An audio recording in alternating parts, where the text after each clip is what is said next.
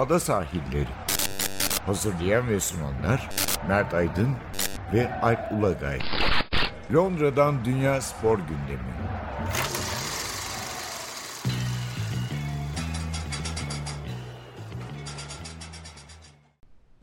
Ada sahillerinden merhabalar. Ben Alp Ulagay. Ben Mert Aydın.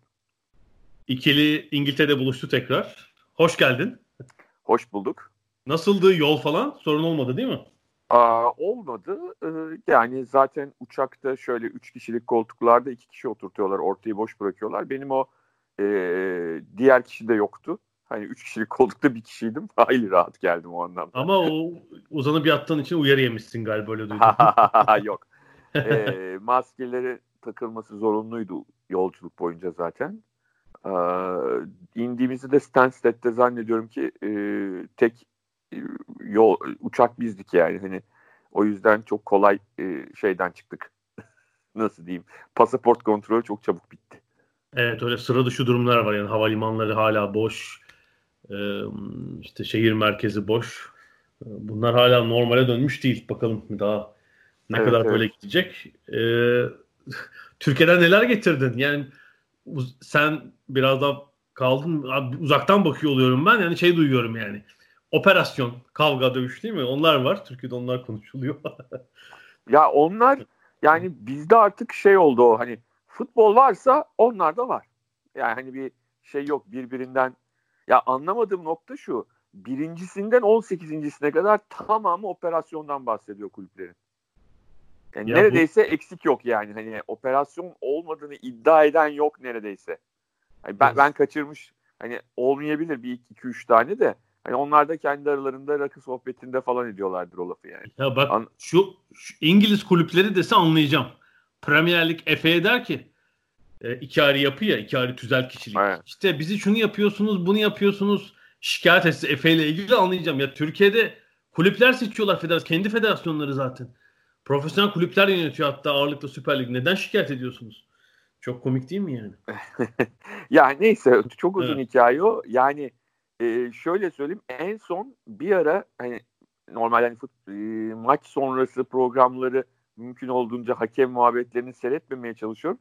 En son bir kanalda taç kenarı pozisyonunda yani taç çizgisi kenarında e, resmen kaleye de 50 metre uzaklıkta bir yerde bir oyuncunun top eline çarpıyor. Bu sarı kart gerektirir mi gerektirmez mi bile ta- diye 25 dakika tartışırlarken gördüm ve tamam dedim yani hani bu iş bitmiş. Oho dün akşamki dirsek pozisyonu olsa mesela kart gösterilmeyen evet, evet. gösterilmedi yani biz e, salı günü ya şeyin e, şöyle bir şey olmuş. Crystal evet. Palace evet. Burnley maçında bir evet. dirsek evet, pozisyonu evet, oldu. Evet. Hakem Çok net. VAR'da şey kırmızı kartı gerek görmedi. Yani o pozisyon Türkiye'de olsa o Şimdi bizde neyin e, ucu kaçmış biliyor musun Alp? Sen hani buradayken onu kaçırmışız. Bu VAR'la ilgili, VAR'la ilgili olarak. Ee, şeyin de tabii hatası. Yani bütün bu baskı sonucunda VAR hakemleri de bazen çok gereksiz, normalde e, nasıl diyeyim müdahale etmemeleri gereken pozisyonları da etmişler. Ve bundan dolayı şu anda geldiğimiz noktada aslında var hakeminin, hakemin kararını doğru ya da yanlış bulmalarından bağımsız olarak söylüyorum bunu. Var hakeminin çağırmaması gereken durumlarda bile e, durumlarda çağırmıyorlar haklı olarak. Ama niye çağrılmadı diye hakem e, var hakemleri suçlanıyor. Çünkü geçmişte çağrılmış. Ya bunu çok basit bir örnekle anlatayım. İngiltere'den bir örnekle sen de hatırlayacaksın geçen sezon. Hangi maçtı? Liverpool'un maçı mıydı? Mane e, bir biraz kendini atarak bir penaltı kazandı. Ve e, VAR hakemi de çağırmadı hakemi. Hakemin penaltısını geçerli saydı verdiği karar ve penaltı atıldı. Bu sezon o zaman geçen Bu sezon. sezondu yani geçen ben artık zaman kavramını. Üçe bölündü ya sezon doğru. Evet. Ondan sonra hatırlarsan işte e, Gary Lineker, Alan Shearer falan hakemi önce yerden yere vurdular. Böyle penaltı olmaz diye. Ama dediler VAR hakemi çağıramaz çünkü bir temas var. Yani bu bariz ve açık bir hata değil hakemin yaptığı. Gri, gri bir var. pozisyon yani değil mi? Gri ama penaltı değil bize göre. Hakem yanlış yapıyor çünkü kendini atıyor orada çağır e, şey yapıyor ama VAR hakemi penaltı olmadığını düşünse bile çağıramaz çünkü bir temas var. Bu e, hani clear e, diye özellikle açık ve bariz bir pozisyon var, değil. Değil. Anlatabildim mi? Hani biz izliyoruz ve değil diyoruz ama o onu çağıramaz. Şimdi bizde Türkiye'de bu tamamen kontrolden çıkmış durumda. Yani tamamen var hakemi ya da sana göre bana göre penaltıysa çağırayım ya da değilse neyse hakemin kararına falan olmuş. O yüzden de doğruyu yapıldığında, doğrusu yapıldığında da yanlış kabul ediliyor. Çok acayip bir noktaya. Ve hatta zaten bazen saçma sapan şeyler konuşuluyor ya. E, maçın hakemi de niye VAR'dan yardım istemedi? Abi böyle bir şey yok. Maçın hakemi VAR'dan yardım isteyemez. Böyle bir hakkı, böyle bir şey yok ki. VAR müdahale eder. Eğer evet. müdahale edecekse. Türkiye'de yani ikinci abi iki, ikinci sarıya ikinci sarıdan kırmızı yapılıyor, veriliyor. Hatalı bence de. Yanlış bir pozisyon. Niye var çağırdı? Abi var çağıramaz. İkinci sarıyı çağıramaz var. Yani şey e, şu çok acayip bir ruh hali var. Hakikaten o ruh halinden çıkılmazsa eğer e, sonu çok çok yani zaten daha kötü ne olacak yani? Hani artık takımlar kulüpleri iflas etmişler. E, Avrupa'da yerlerde sürünüyor takımlar falan. Hani daha kötü nasıl olacak? E, daha kötüsü olması zor çünkü hani ülkenin nüfusu potansiyeli açısından ne kadar kötü olursa olsun belli bir noktaya kadar kötü olabilir. Ama yani gelinen nokta çok acayip ya. E, tamamen standart şaşmış durumda. Ben yani maçları izlemiyorum uzun süredir Türkiye'deki. E, tek tük gol görüyorum. Böyle yorumlara falan bakıldığında maalesef Türkiye'deki dostlar alınmasın. Yorumlar falan da gerçekten çok kötü. yani takip ettiğim pek yorumcu yok. Ee, orada da standart ve kalite düşmüş durumda. Öyle görüyorum. Ee, biz istiyorsan İngiltere'ye dönelim. İngiltere'deki operasyonları konuşalım. Kardeşim. Operasyonları evet. Yani geçen hafta Liverpool'un şampiyonluğunu konuşmuştuk. Ee, sonra hafta sonu bir yandan da FA Cup var. İngiltere Federasyon Kupası. Onun çeyrek final maçları oynandı. 32. hafta maçlarını da neredeyse bir haftaya yaydılar. Yani cumartesiden başlayarak 32. E, haftada böyle birer ikişer maç oynanıyor bu kupa maçları sebebiyle. Hı hı. Perşembe akşamı sona erecek. Perşembenin haftanın son maçı da Manchester City ile çiçeği burnunda şampiyon Liverpool arasında. Evet. evet. Ee, bunları biraz konuşacağız. Şöyle e, hafta sonu FA Cup maçları maçları var demiştik.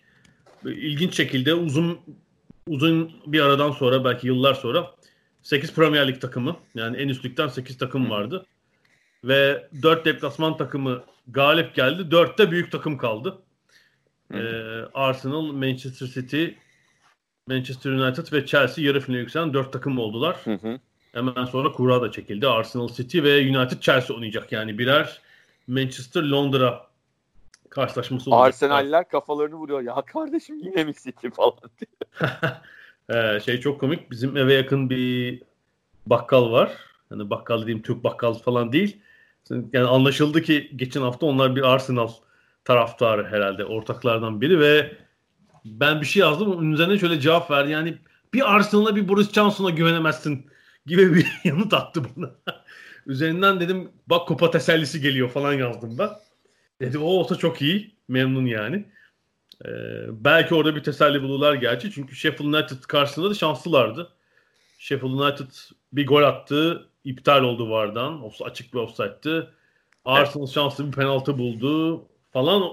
Bir şekilde tura tutundu yani deplasmanda olmasına. Benim en evet, evet. çekişmeli olacağını düşündüğüm Belki şöyle diyeyim. E, e, e, Alp, e, Sheffield United'ın e, bu pandemiden kötü dönüşü Arsenal'e yaradı.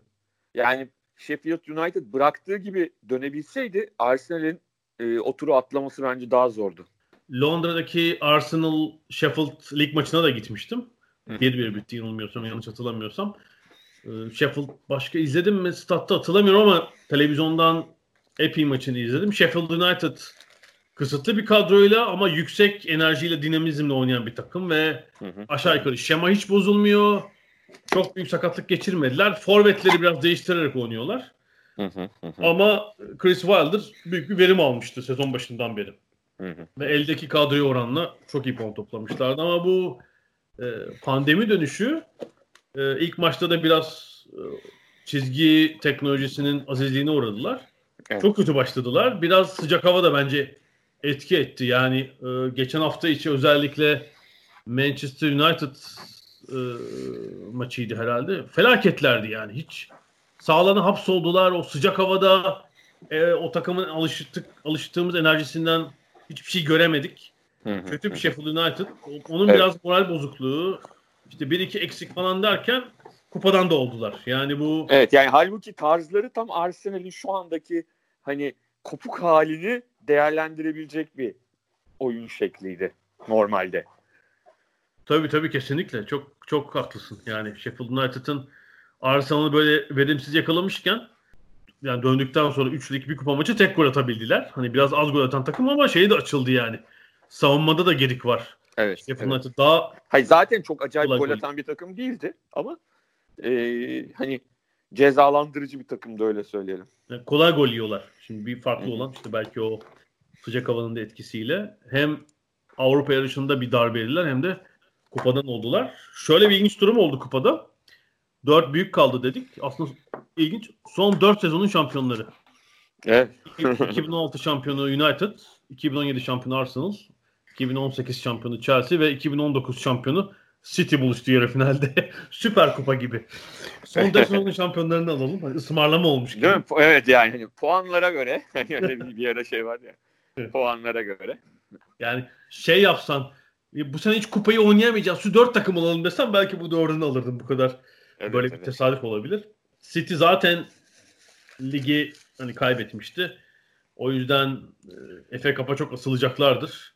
Newcastle deplasmanında da e, yani Agüero'suz ama ideal yakın bir kadroya çıktılar. Agüero'yu geçen hafta konuşmuştuk. Ağustos'a kadar kullanamayacaklar. Burnley maçında geçirdiği sakatlıktan sonra bir minisküs ameliyatı oldu. Barcelona'da ve Ağustos'a kadar yok. 5-6 hafta oynayamayacak. bir bence önemli fırsat kaçıran da ve bu pandemi sonrası değil, öncesi başlayan düşüş Leicester City'de tabii. Evet. Onu söylemek lazım. Yani e, Eylül, Ekim, Kasım aralığı müthiş oynayan Leicester yılbaşından beri pek iyi değil. Yani böyle Aralık sonu başlayan bir düşüş var. Daha o Liverpool maçı Boxing Day'de oynanan. Ondan beri açıkçası çok iyi değiller. Yani böyle bir oyunu bir, bir maçı iyi oynuyorlar, bir dört gol atıyorlar ama genelde o ligin ilk üç ayının e, altında bir e, tablo ortaya koyuyorlar. Bu lige dönüşten sonra da yani kazanabilecekleri belki kazanmaları yakın iki maçta iki puan alabildiler. Şimdi kupadan da elendiler. Yani Leicester için ben ciddi bir fırsat diye düşünmüştüm bu kupayı bu sezonki genel form durumuyla ama e, bir sıkıntı olduğu gerçek. Evet. Brandon Rodgers da yani biraz şey üstüne yatıyorlar puanları. İyi, iyi daha önceki o iyi oldukları dönemlerdeki puanları. Yani bir işte Aralık Ocak epey sakatlık oldu. Ee, o sakatlık bazı oyuncuların form durumunu düşürdü. İşte Vardy bir ay oynamadı. Endidi evet. Bayağı bir yer oynamadı evet. İki ay yoktu. O tekrar döndü ama aynı performansı. Şimdi mesela ligin en değerli oyuncularından Ricardo Pereira sağ bek sezonu kapattı. Yani bu ara öncesinde kapattı. Evet. Onun eksikliği hissediliyor tabii. Sağ sağ bekte çünkü müthiş bir güçtü o. O yok. Ee, savunmadaki uyum da biraz zayıf. Yani her her bölgede biraz form evet. durumunda o zirvedeki durumda. Yani çok aslında çok e, şu var hani o zaman da konuşuyoruz. Çok acayip geniş bir kadroları yok. Bu da doğal olarak en küçük bir eksikti. Yansıyor yani performansa. Çok yani net. tamamlayıcı parçalar var aslında orta sahada falan ama tabii aynı bir e yani, falan da. Şunu düşün yani şimdi Çağlar'a falan da bir şey olsa hani yedek var mı var ama ya aynı şey performans ortaya çıkar mı ben çok emin değilim. Ya şöyle olmayınca kim oynuyor? Eski kaptan Wes Morgan oynuyor ama Wes Morgan artık 35 yaşında tabii. tabii yani bir yani. maç oynar, 5 maç aynı seviyeye çıkamaz muhtemelen.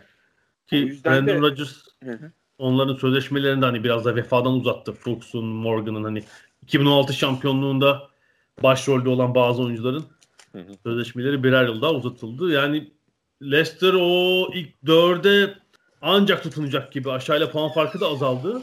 Ee, evet. Bu hafta bu hafta oynayacaklar iki maç kritik olacak yani. Everton deplasmanı üzerine hafta sonu Crystal Palace deplasmanıyla bir zor beşikteler.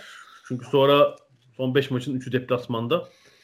E, bu arada bir 4 puan falan alıp biraz rahatlamaları lazım.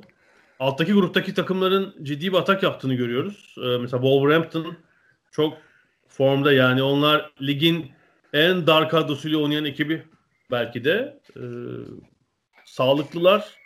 Çok fazla maç oynamalarına rağmen sezondan başı belki bu ara onların işine geldi. Yani bir tabii dinlendiler tabii. Dinlenme fırsatı buldular. Yani özellikle ben Wolverhampton'ın şöyle bir baktım. 11 oyuncu 40 maçın üzerinde oynamış. 50 maçı oynayanlar var şimdiden. Yani daha ligi bitirmedik. Evet. Wolverhampton bir de Avrupa Ligi oynayacak. Ağustos ayında. Ve de hani oyun şeylerini de bozmadılar. Aynı tarz, aynı şekilde. Bazen e, oyunu e, nasıl diyeyim yavaşlatarak, bazen bir anda hızlandırarak yani çok e, oyun yapılarını, oyun tarzlarını da çok fazla e, kaybetmeden o bu pandemi sürecinde e, bunu hakikaten bir dinlenme olarak, taze bir başlangıç olarak kullanmışlar çok net görünüyor. Tabii şunu e, Espirito Santo şunu yapıyor. Bazı deplasmanlarda Traore'yi ilk 11 başlatmıyor. Orta sahayı beşliyor. Böyle bir tercih olabiliyor. Sonra son yarım saat sokup öldürücü evet. darbeyi vuruyor. Traore, evet, evet. Traore yani. oyunu aldıktan sonra. Traore Raul e, ikilisinin müthiş uyumu. Galiba birbirlerine 9 ya da 10 gol attırmışlar. Yani 7 tane hı hı. Traore attırmış, 3 tane Jimenez ona attırmış. Ligin en iyi asistleşen ikilisi diyebiliriz. Hı. Ve ciddi bir sakatlık da yok. İşte bir tek sakatlanan hı hı. savunma oyuncusu Boli vardı. O da geri döndü. Onun dönmesi de savunmayı sağlama aldı. Yani bakıyorum işte 11-12 oyuncudan o, kullanmışlar. Kutrone'yi yolladılar. Bennett sakatlandı. Gerçekten 12-13 oyuncu 13 oyuncuyla falan sezonu bitir, bitiriyorlar. Çok e, acayip bir durum. Hmm, ve belki de kendilerine bir bu sezonki Avrupa Ligi'nin üzerine belki bir Şampiyonlar Ligi getirecek. Biz bu programı yaparken onlar hafta sonu oynadılar lig maçlarını. E, evet. Maç fazlasıyla 3 puan öndeler United'ın 5. ligde. Yani tabii şimdi United'ın e, biz bu programı yaptığımız akşam maçı var. Ee, orada alacağı skor şu ana kadar çünkü her şey çok iyi gidiyor. Yani pandemi öncesinde e, Bruno Fernandes bir hareketlendirmişti takımı. Ama pandemi sonrası arasında sanki 100 milyon pound'a Pogba'yı transfer ettiler. Ee, onun da eklenmesiyle e, Manchester United'ın bayağı bir havası değişti. Takımın havası değişti. Ee, ve Şampiyonlar Ligi konusunda çok ciddi bir aday oldular. E, bunu söylememiz gerekiyor. United için bir... şu konuşuluyor. Geçen hafta içi Sheffield United maçında Martial 3 gol atmıştı. 3 evet. güzel, güzel gol. Çok ezdiler yani o gün Sheffield'ı. E, hafta sonu kupada da kazandılar. Şimdi belli ki bu kadro işte dördüncülüğü, beşinciliği kovalayacak. İşte bunun üzerine ne eklenebilir? Yani evet. ben hep söylüyorum United gibi e, büyük bir takımın forvet hattı başka türlü olmalı. Yani mesela Rashford'u insan olarak müthiş beğeniyoruz. Yani sol kanattaki oyunu belki ama Santafor'u bu takımın Martial'in de üzerinde bir olması lazım. Yani. Tabii, hatta şöyle bir şey var. Alp e, bence Rashford'u dünya yıldızı haline getirecek bir Santrafor'a ihtiyaç var.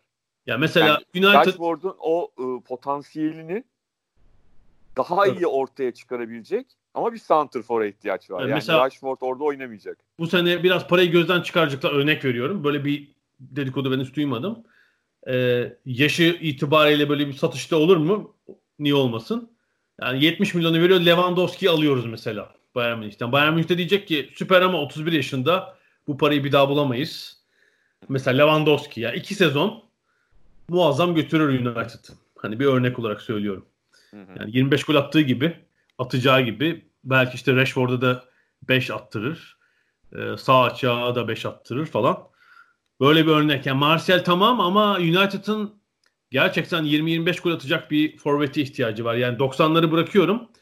2000'lerden bu yana Van Nistelrooy, Berbatov, Van Persie değil mi? Böyle hep 25 gol falan atan Tabii. çok önemli santrforlar oynadı. Yani son Ki yani Rooney de vardı. Rooney kendini daha geriye çekti. Daha farklı bir pozisyona onu, yani çekti. Onu, o da atıyordu yani. Hani tabii tabii onu ilk başta. şey yapmadım bile. Onu tam Hı-hı. E, nokta santrfor olarak değerlendirmediğim için ayırdım yani tabii ki bir de Rooney vardı üzerine. Böyle bir ekleme bir de Jadon Sancho'nun ismi geçiyor Dortmund'dan. Hani Sancho üzerine bir santrfor United gerçekten seneye daha da başka bir takım olur.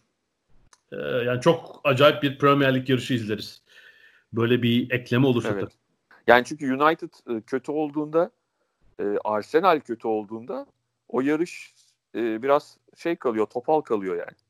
Canım zaten 31 maçta 86 puan büyük anomali yani olacak iş değil yani.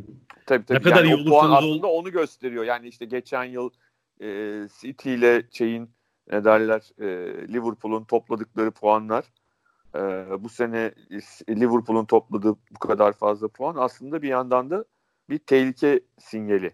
Aslında ligin biraz dengesi için mesela şampiyonun puanının 85 civarı falan kalması lazım. Öyle 90'lar 100'ler olmaması lazım. 3 evet. sezondur ama böyle yani bir ilim. hoşumuza yani. gidiyor. Hani geçen yıl City'yi bu yıl Liverpool'u izlerken çok puan almaları çok böyle e, görkemli gitmesi ama diğer tarafında da e, dediğin gibi öyle bir sıkıntı var. Chelsea de fena değil bu arada.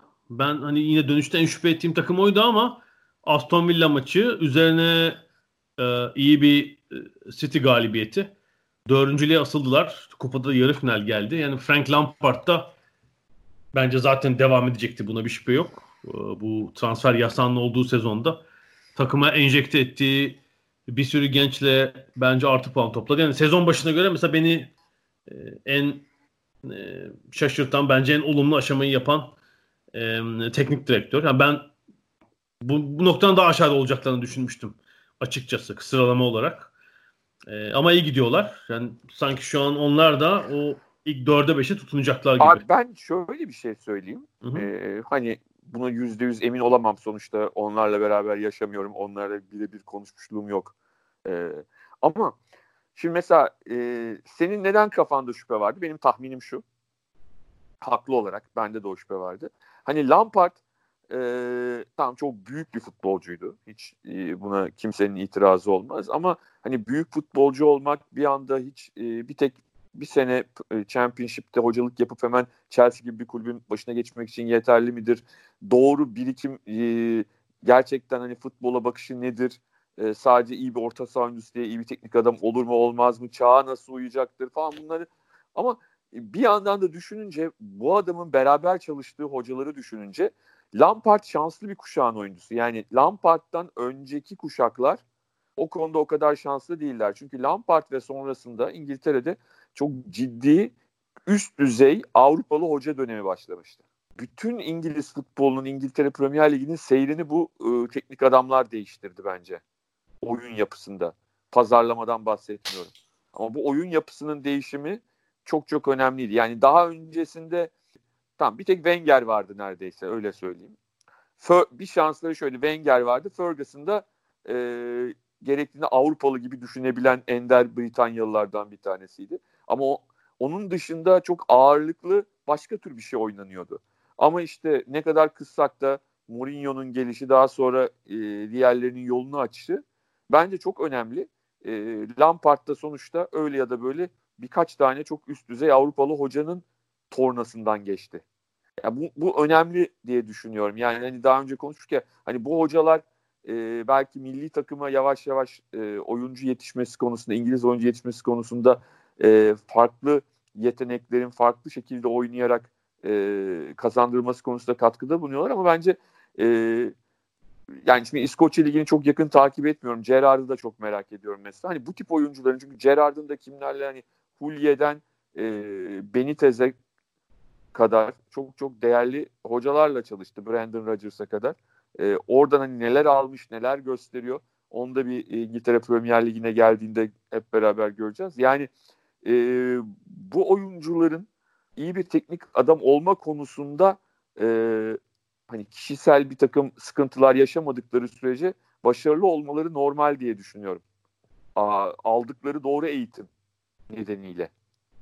Bir Lampard'ın tecrübesine güvenememiştim açıkçası. Bir yıl hı hı. Championship'te işte bir takımı playoff'a soktu diye Chelsea antrenörü olmak. Yani biraz Chelsea'deki efsane oyunculuğuna güvenilmişti sanki. İkincisi de Chelsea aslında e, mevcut oyuncu kadrosu olarak herhalde son 15-20 yılın en düşük seviyesinde. Ben bir herhalde Mart ayı olmalı The Guardian muhabiri Jacob Steinberg'le bir röportaj yapmıştım. O da söyledi yani e, Mourinho'nun ilk dönemi sonraki dönemlerde Chelsea hep böyle kadrosunda bir sürü yıldızı alan alabilen e, bunun için dünyanın diğer büyük kulüpleriyle kapışan bir takım hüviyetindeydi ama e, hem bu işte Financial Fair Play kuralları hem de sanıyorum Abramovich'in e, galiba iki yıldır İngiltere gele, gelemiyor oluşu vize problemleri sebebiyle. Biraz ilgisinin belki biraz azalması, üzerine transfer yasağı kadroyu en azından isim olarak biraz zayıflatmıştı. Ama işte bu da farklı, farklı bir imkan getirdi.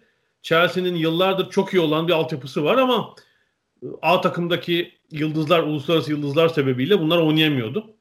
Şimdi bir sürü oyuncuya bu sayede fırsat verebildiler. Yani bu herhalde başka türlü mümkün olmayacaktı işte e, düşünüyorum işte Tammy Abraham'a e, e, Reis'e işte Tomori, Fikayo Tomori'ye hatta belki Almanya'dan aldıkları Pulisic'e bile fırsat veremeyeceklerdi. Bu onlar için bir şey oldu. Yani bence buradan 3-4 kişiyi e, gelecek sezonda yani yaptıkları transferlere rağmen kullanacaklardır. Çünkü Timo Werner gelecek. Ajax'tan Ziyech geliyor. E, Forvet'e belli eklemeler olacak herhalde işte Willian'ı, Pedro'yu falan görmeyeceğiz seneye öyle tahmin ediyorum. Chelsea de bence bu sene verdiği umutla seneye onlar da dahil olacak. Öyle olduğunu düşünüyorum. Evet bakalım neler getirecek hakikaten. Hani bu sezon bir türlü bitemediği için gelecek sezon için yorum yapmak zorlaşıyor. evet başka bir şey diyeceğim. Burnley'in durumu ilginç tabii. Dün yani pazartesi akşamı onlar 32. hafta maçlarını oynadılar. Çok sıkıcı bir maçtı. Sen de izlemişsin. Ee, Londra'da Crystal Palace Burnley maçı. Yani Crystal Palace zaten normalde tempoyu düşük tutup işte böyle duran topla falan e, sonuca gitmek isteyen, az gol atan bir takım. Yani bu aradan sonra iyice tempo düşmüş durumda. Son derece sıkıcı bir maç oldu. E, Burnley'de şu ilginç.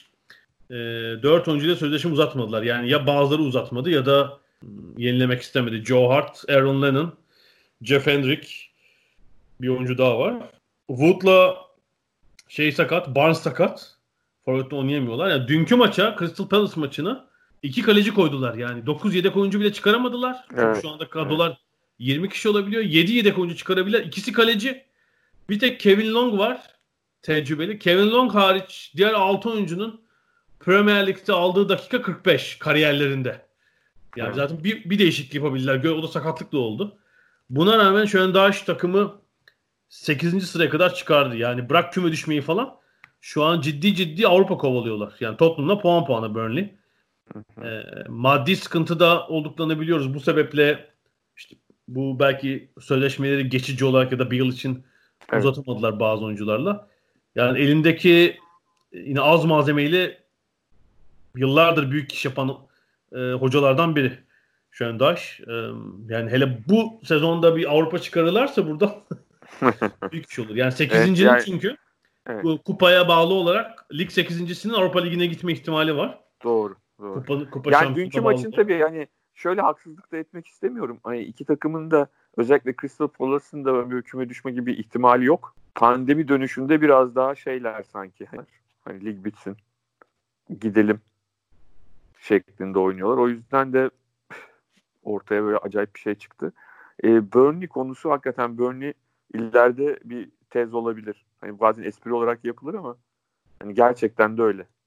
Ve de çok önemli bir şey var. Burnley e, işte iki sezon önce Avrupa Kupası'na katılır bir performans gösterdi. E, geçen sezon küme düşmekten kurtuldu ama bütün bunları yaparken hocayı göndermiyorlar. Yani galiba bizim de ülkemizde en büyük sıkıntılarımızdan biri bu. Bizde başarılı olan da gidiyor. Özellikle altlarda oynayanlar, ortalarda oynayanlar hani sanki birini gönderip öbürü gelince Şampiyonlar Ligi şampiyonu olacakmış gibi davranıyor.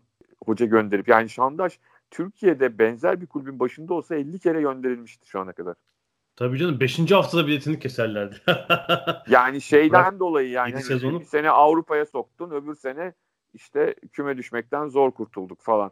Ya yani şimdi onu gönderip getireceğin adamla Şampiyonlar Ligi kazanmayacaksın. Yani her şey aynı e, şey olması lazım. Yani bir teknik direktörün bir kulüpten ayrılması için hakikaten hem çok çok büyük bir hayal kırıklığı olması lazım. Artı artık ilişkilerinde biraz laçka olması lazım. Hani artık yapacak bir şey kalmadı. Yani tek şansımız bu. Ya da hoca gitmek isteyecek taraflardan biri. Çok özel bir durum olması lazım. Yani Türkiye'deki sıkıntı görüyorum. Yani çok basit. Hani burada Türkiye konuşmuyoruz ama ben oradan gelince bazı şeylere inanamıyorum. Hani pandemi arasında değil pandemi arası bittikten sonra hoca gönderen oldu ya. Ya pandemi arasında neredeydiniz abi? Yani niye pandemi arasında göndermediler? Ya izin yapıyorduk. 3 aydır çalışmıyorduk işte. O arada gönderilir mi? İzinden sonra göndereceksin zaten. Doğru yapmışlar. Yani bilmiyorum neler olduğunu ya. Anlatabildim bak. Bunlar çok acayip e, kafa karıştırıcı şeyler yani. Evet, ya Burnley için şu doğru. Burnley gibi bir taşla kulübü için. Tabii. Öncelikli amaç Premier Lig'de devam edebilmek açıkçası. Avrupa falan değil.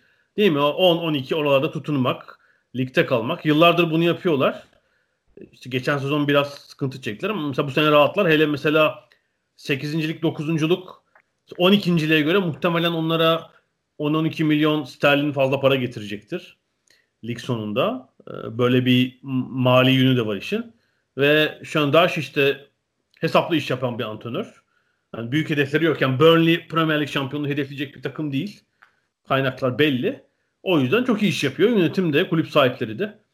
Bunu biliyorlar. Onunla devam ediyorlar. Yani belki küme düşseler bile devam edelim biz de geri çıkarırsın diyebilirler. Eğer ha, belki o istemeyebilir orada. Ha, evet, o artık istemeyebilir. Yani İlla ki ona bir teklif gelir çünkü bu, evet, bu şeylerden sonra. Kaldıktan sonra şu anda bile konuşuluyor yani başka bir takım için. Olabilir. Ee, Premier Lig muhabbetini istiyorsan çok az da aşağıdakilere bakalım. Yani onlar evet. Orada hangi haftada uğraşıyorlar, puan, puan da attılar. Yani. 32. hafta da aynı şekilde başladı. Yani herkes alttakilerin hepsi puan kaybetmeye devam ediyorlar. En son e, Aston Villa Watford 32. haftanın ilk maçlarında evet. kendi sahalarında yenildiler yine. Gayet kötü gidiyorlar. Yani merakla bekliyorum kim buradan bir galibiyet alıp da kafayı yukarı uzatacak diye. Ya yani. öyle bir şey olacak. Yani hani hepsi birden düşse bence çok itiraz olmaz. Hayır şu anda düşme noktasında olmayanlar da dahil. Bir Brighton biraz kafayı çıkardı oradan. Bir 6 evet. puan önünde küme düşme Yani bugün de kaza, bir, bir puan bile alsalar United'dan bence Bo- şey olacaklar. Bournemouth, Aston Villa hepsi şey Norwich'in içi zaten artık mucizelere karşı. West Ham. West Ham yani o dört takım ikisi düşecek gibi gözüküyor. Averajlar da yani şunu görebiliriz. o 38. haftada o maçlar aynı gün aynı saatte oynanıyor ya. 26 Temmuz'da oynanacak son hafta maçları. Averaj mücadelesi de olabilir ve son hafta 38. hafta maçını ben sana söyleyeyim. West Ham Aston Villa. Yani o bir Hayır buyurun siz ama... lütfen biz düşelim ne olur. Hayır hayır biz düşelim ne olur bir maçı olur mu? şey oluyormuş karşılıklı attıkları kendi kalene attıkları gollerle 2-2 biten maç. İkisi de düşüyormuş.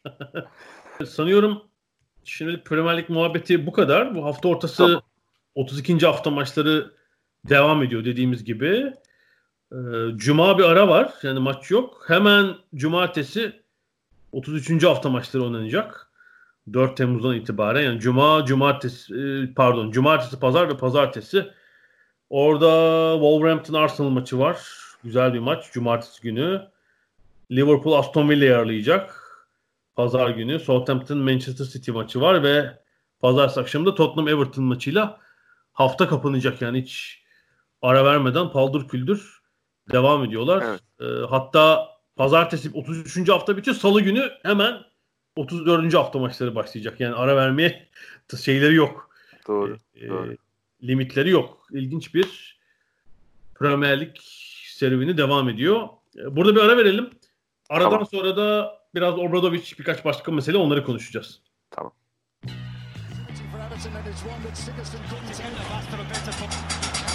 Ada sahilleri. Londra'dan Dünya Spor Gündemi.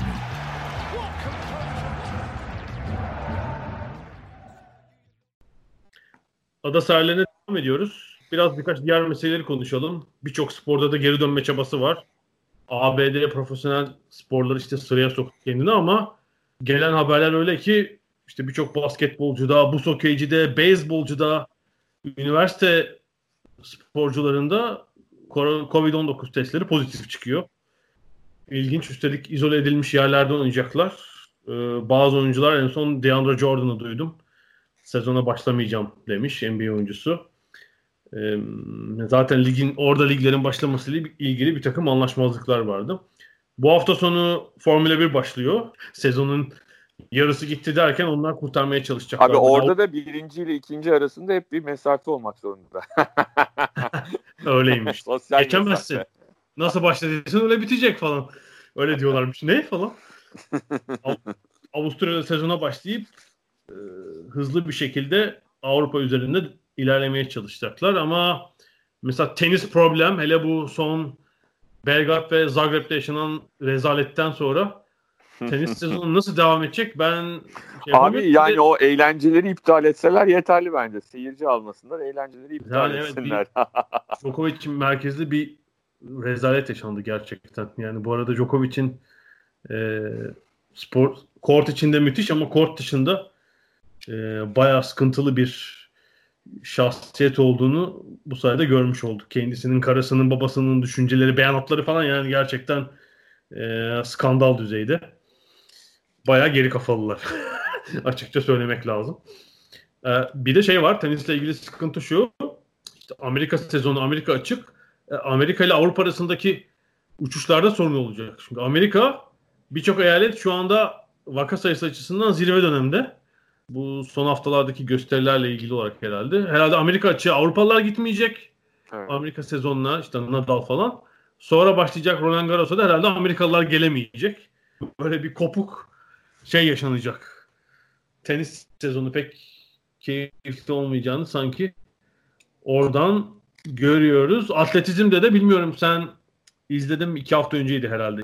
Oslo'da evet. Biscuit Games Impossible Games olarak yaptılar. Evet okudum ama in, izlemedim. E, yani çok tabii bu Covid-19 ilginç yenilikler yapma fırsatı da veriyor. Impossible Games'te sadece kuzey ülkelerinin atletleri vardı. O, yani Finlandiyalı, İsveçli ve Norveçli atletler vardı yani Oslo'daki stadyumda.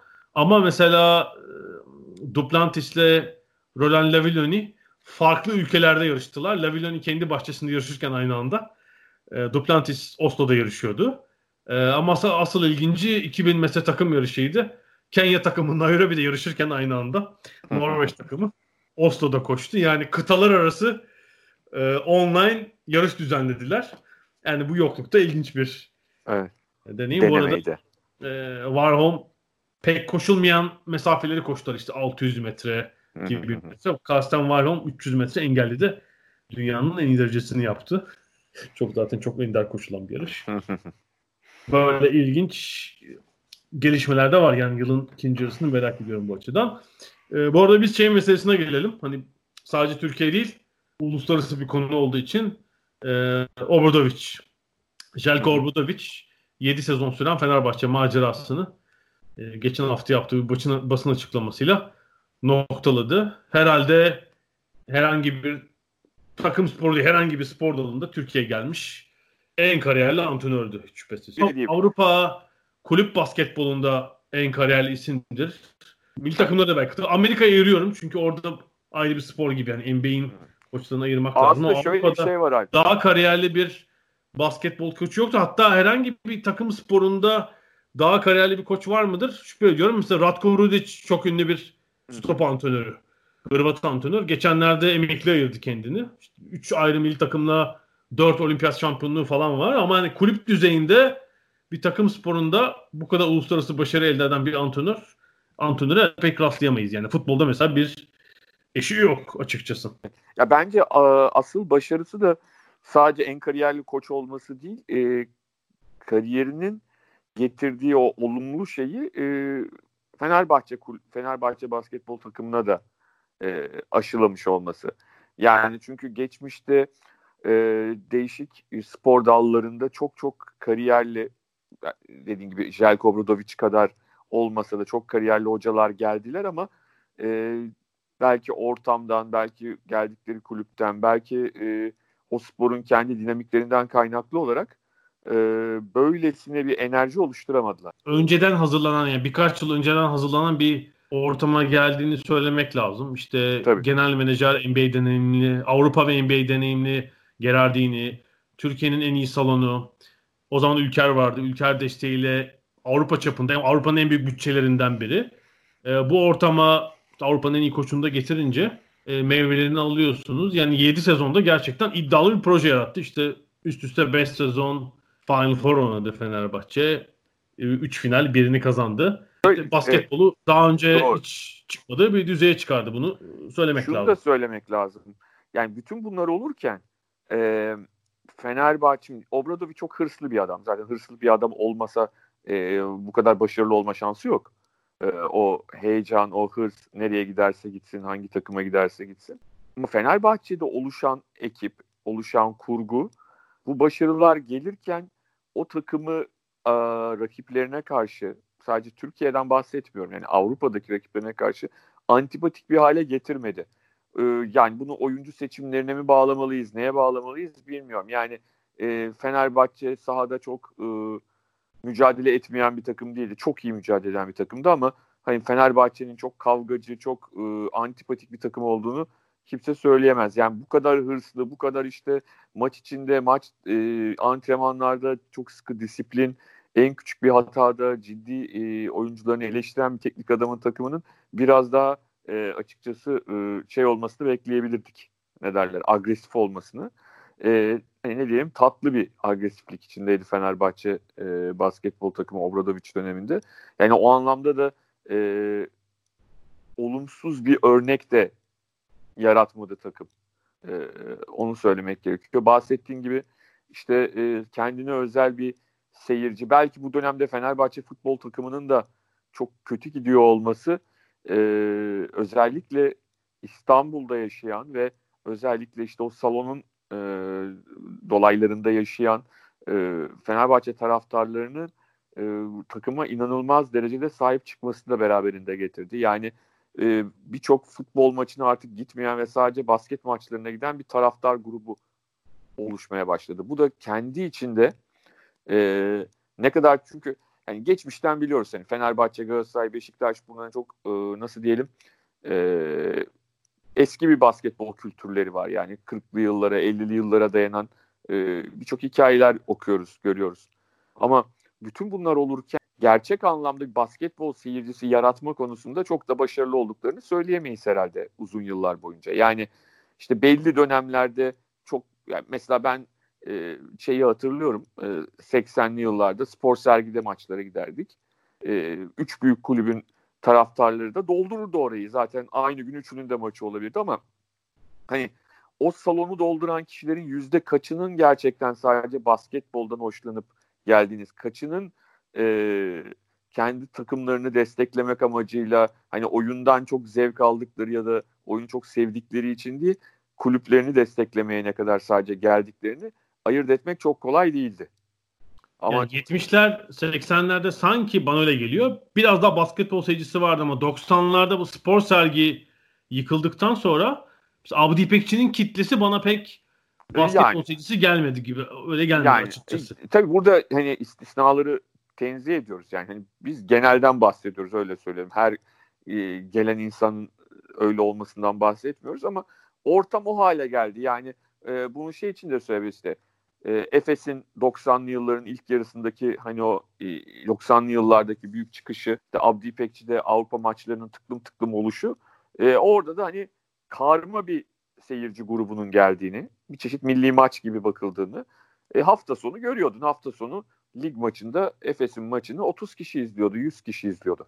E şimdi e, genel noktada Fenerbahçe'nin lig maçları da dahil olmak üzere e, Obradoviç döneminde salonunu dolu tutması. E, o şimdi de öyle biliyorsun yani. Öyle ee, ama hafta içi EuroLeague maçı oynarken 13.800 hafta sonu Konya Spor maçında 2000 kişi yani. Evet ee, ama 2000 kişi. 300 ya da 50 kişi değil. Eskidenki durum hatırla Efes'in o team system maçlarını falan. Hani 15 bin kişi. Yani orada e, spor şeyde Abdi İpekçi'de şeydi ne derler. E, şey yapamazdın yani kıpırdayamayacak e, yan yana sıkışmış insanlar hani sosyal mesafe falan hak getire.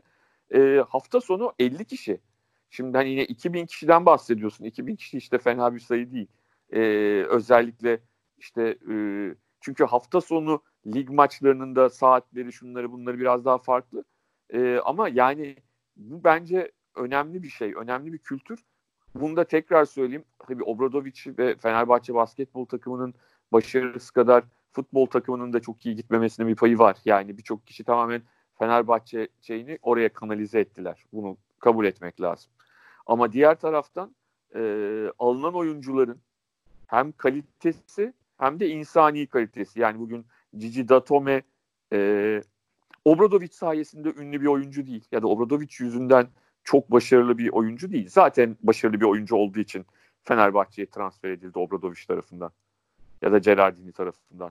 Ama e, yani ben gördüğümde kişisel olarak e, işte abi ödül töreninde denk gelmiştik. Yani hani e, oradaki Boğaziçi Üniversitesi'nde e, ödül aldığımız salonun e, mimari yapısından tut bilmem nesine kadar tarihi şeyine kadar merak edip incelemesi, konuşmasına bunları aktarması yani çok çok özel insanlar geldi. Yani tamam, sadece bir... Obradoviç olarak bakmıyorum ben olaya. Obradoviç evet, tamam. onların gelmesini sağladı ve onlardan çok iyi bir takım oluşturdu ama çok kaliteli bir e, yabancı oyuncu grubu geldi. Çünkü e, sözünü unutma hemen bitirip sana vereceğim. Şunu söyleyeyim çok rahatlıkla bu Fenerbahçe diğer her takımda var. Fenerbahçe şimdi kadrosunda da oldu. Hani sonuçta bu adamlar yurt dışına para için gidiyorlar. Yani para kazanmak için burada hiç anormal bir durum yok. Yani para kazanmak için gittiğin yerde ille işte oraya böyle bir kendi adaman e, şey yapman gerekmez. Sağdaki mücadeleni doğru verirsen başarılı olursun zaten. Ama sanki e, o oyuncular e, Veselisinden e, Datumes'ine kadar e, bunda mutlaka e, Obradovic'in de payı vardır ama diğer taraftan e, hakikaten bireysel olarak da çok değerli oyuncuların gelmiş olması, insan olarak da çok değerli insan oyuncuların gelmiş olması bu şeyi yaratan çok önemli bir faktördü sinerjiyi yaratan bence. Özellikle Datome'yi, Yudoh'u ayırmak lazım belki hani tutumlarıyla, yaptıklarıyla, Bogdanovic belki daha insan olarak da ön plana çıkanları hani düşünüyorum bu süreçte. E, Datome tam bir Avrupalıydı gerçekten. İletişimi, merakı yaptıklarıyla yani 5 sene kalması boşuna değil. E, tabii hani hem takım iddialı olunca hem bütçe yüksek olunca zaten en iyi oyuncuları getirme imkanı oluyor ama Obradovic'in yarattığı bir pazarlık gücü olduğunda orada %100. söylemek lazım. Çok ciddi bir katkısı vardı onun yani. Şimdi ondan sonra kimi getirirseniz getirin aynı şey olmayacak. Yani Obradovic'in bir oyuncuya telefon açıp seni takımımızda görmek istiyoruz demesi başka bir şey tabii. Yani bu Obradovic Avrupa'nın hangi takımına giderse gitsin böyle bir etkisi olacaktır. Ee, son sezon kadro çok iyi yenilenmediği için biraz problemli geçiyordu yani bu e, yarım kalan sezon. Ama hani bir yenileme yapıp muhtemelen devam ederlerdi. Bu herhalde işte hem bütçeden kaynaklı bir durum var. Yani Avrupa'daki basketbol bütçeleri zaten sıkıntılı. Yani Real Madrid ve Barcelona da futbol takımı üzerinden sübvanse ediyorlar takımlarını. Yani 25-30 milyon dolar euro hatta bütçe koyuyorlar oraya. Başka türlü ya basketbol geliriyle bu işi çevirebilen işte kendi çapında belki Jalgiris var ama daha düşük bütçeyle. Maccabi belki olabilir kısmen. Başka bir takım aklıma gelmiyor. Yani Bayern Münih belki ama onlar da işte futboldan aldıkları bir güç var tabii. Yani futbol takımının yarattığı güçten, sponsorlardan etkileniyorlar. Geri kalan herkes bu işe cepten para koyuyor. Yani genelde biliyorsun hani işte 3 model. Bir model patron takımları, bir patron şirketi takım işte Armani, CSK, Efes gibi. Hı-hı. Patron cepten para koyuyor. 20-30 neyse. İşte bir büyük futbol kulübünün parçası olanlar. Real Madrid, Barcelona, Bayern Münih, Fenerbahçe. Bir de işte basketbol kulübü olup oradan bir ekonomi yaratmaya çalışanlar. Yani hepsi sıkıntıda. Şu içinde bulunduğumuz yıl daha da sıkıntı. E çünkü se- seyircisiz oynayacaklar bir kere. Seyirci geliri de olmayacak. Yani yani evet yeni sezonu bilmiyoruz şimdi. Bir de sezon nasıl seyircili olacak mı olmayacak mı onu bilemiyoruz. Ee, bu başarının da bir soru işareti olan iki şeyi de ben eklemek isterim. Ee, kesinlikle Avrupa'nın en tepesinde bir takım yarattı Obradovic. Onu söylemek lazım ama 7 sezon mesela 7 sezonda bir Avrupa şampiyonluğu aslında Obradovic'in kariyer ortalamasının altında. Bunu söylememiz lazım. E, ya Panathinaikos'ta önceki dönemde daha başarılı olmuştu. E, ya belki Avrupa'daki rekabetin sıkılaşmasından hmm, ya da belki birkaç diğer faktörden olabilecek bir iki şampiyonluk daha gelmedi yani. Bunu söylememiz lazım. Bence daha önemlisi 7 sezon iyi bir süre. Bir takımda bir ülkede kalmak için yabancı da olsanız. Ee, burada mutlaka Fenerbahçe'nin Türk veya yabancı kendi yetiştirdiği bir iki oyuncunun takımın önemli parçası olması lazım bu 7 sezonda. Burada hiçbir ilerleme görmedik. Bence en büyük eksiklik bu Obradovic ile ilgili söyleyebileceğimiz. Yani kulübün de herhalde böyle bir talebi olmadı bence ama evet. 7 sezonda gerçekten kendi yetiştirdiğiniz, altyapıdan yetiştirdiğiniz bir iki oyuncuyu ya, onun takıma yerine... eklerdiniz. Bunu hiç beceremediler çünkü e, Türkiye'den yetişmiş oyuncular neredeyse kadroya hiç giremiyorlar. Yani 11-12 yabancı ile oynuyor Fenerbahçe. Yani bir kulüp için zaten şey diyebilir. Bizim böyle bir amacımız yok diyebilir. Tamam. Ama işte Türkiye'nin iki büyük kulübü var basketbolda. iki büyük takımı var. Ee, onların oyuncu yetiştirememesi, oynatmaması eğer milli takımı düşünüyorsak ciddi bir sıkıntı. Burada hiç aşama olmadı. Yani tamamen antrenman oyuncusu Fenerbahçe'den yetişen oyuncular. Evet yani bir iki oyuncu haricinde Euroleague'de zaten neredeyse hani Ahmet ve Melih dışında e, Euroleague'de e, Aa, neredeyse Ahmet Yurdu milli takım oyuncusu yani Türkiye'den yetişmedi. Yani milli takım oyuncusu değil ama yani sonuçta Türk olarak söylüyorum. Türkiye'den yani, yetişmedi o da. O yüzden onu da dahil edip. Ben Türkiye altyapısını Türkiye'de almış oyuncu diyorum. E, ya. Tamam ama yani işte ben de fark neyse fark, önemli değil. Zaten çok farklı bir şey söylemiyorum. Hani Ahmet ve Melih dışında Türkçe konuşabilen diyelim. Çok iyi Türkçe konuşabilen. E, oyuncu Euroleague'de hemen hemen oynamadı. Yani onlar da sınırlı. E, Ahmet belki son dönemde biraz daha fazla Melih'te, oynama şansına sahip oldu. Efes, Anadolu Efes'te yetişmiş oyuncu zaten. Hani Fenerbahçe'nin kendi tabii, yetiştirdiği tabii. işte. Ya Egean vesaire onu, evet, onları monte edemediler. Şeyi tercih etti. Hani e, Guduric gibi mesela hani genç e, ve gelecek vadeden oyuncu direkt A takıma alıp orada geliştirmeye çalışmak gibi işte nasıl Bogdanovic geldi NBA'ye gitti. Ha bu tercih doğru mudur değil midir ya da aşağıda belki de e, plan bambaşkaydı. E, belki işte Gerardini geldikten sonra kurduğu şeyle anca yeni yeni mi bunları görmeye başlayacağız. Bunu bilmek zor ya da belki de soru işareti şeyde yatıyor. E, yani daha doğrusu bu sorunun yanıtı. Obradovic'in şu sözlerinde özellikle biliyorsun bazen kızdığı zaman coşardı. E, Furkan ve e, Cedi'nin e, NBA'ye gidişleri için onlar kendilerine güvendiler, çalıştılar, kendilerini geliştirmeye çalıştılar şeklinde. Belki de o birilerine bir mesaj verme adına kendi kulübündeki söylenmiş bir şeydi. E, altyapıdan çıkan oyuncuların gayreti ya da gayretsizliğiyle ilgili olarak. Ya zaten herhalde kulüp öyle bir çizgi çizmemişti onu. Hani benim aklıma takılan bu nokta 1.7 yılın e, arkasından bakalım ne gelecek. Yani tüm Avrupa'da herhalde basketbol bütçelerinin biz düştüğünü yani CSK'dan bile böyle bir sinyal geliyorken bu duruma şaşmamak lazım. Doğru. Zor olacak yani. Basketbol ekonomisinin kaymağını Amerika yiyor. Avrupa'ya zaten kırıntılar kalıyordu. Var mı başka bir şeyimiz? Yok. yok bu haftalık şimdilik. yok galiba. Ee, İngiltere futbol devam ediyor. Dediğimiz gibi hafta ortası 32. hafta maçları önünü hemen hafta sonu 33. hafta ardından 34 devam edecekler ara vermeden. Bir yandan da alt liglerde işte yani Championship'te şampiyonluk mücadelesi var. League 2 ve League 1'da da playoff maçları var. Northampton League 2'dan League 1'a çıkan e, son takım oldu. E, herhalde Championship'te de Leeds bu sene şey hedefine ulaşacak gibi gözüküyor. Evet öyle görünüyor. E, 9 puanlık sanıyorum bir fark var üçüncüyle. E, ikinci takımda West Bromwich Albion olabilir. Bilic'in çalıştırdığı. Geçen hafta yeniltiler de şu an en kuvvetli aday durumdalar ikincilik için. Gelecek haftaya kadar görüşmek üzere diyorum ben. Görüşmek Hoşçakalın. üzere. Hoşçakalın.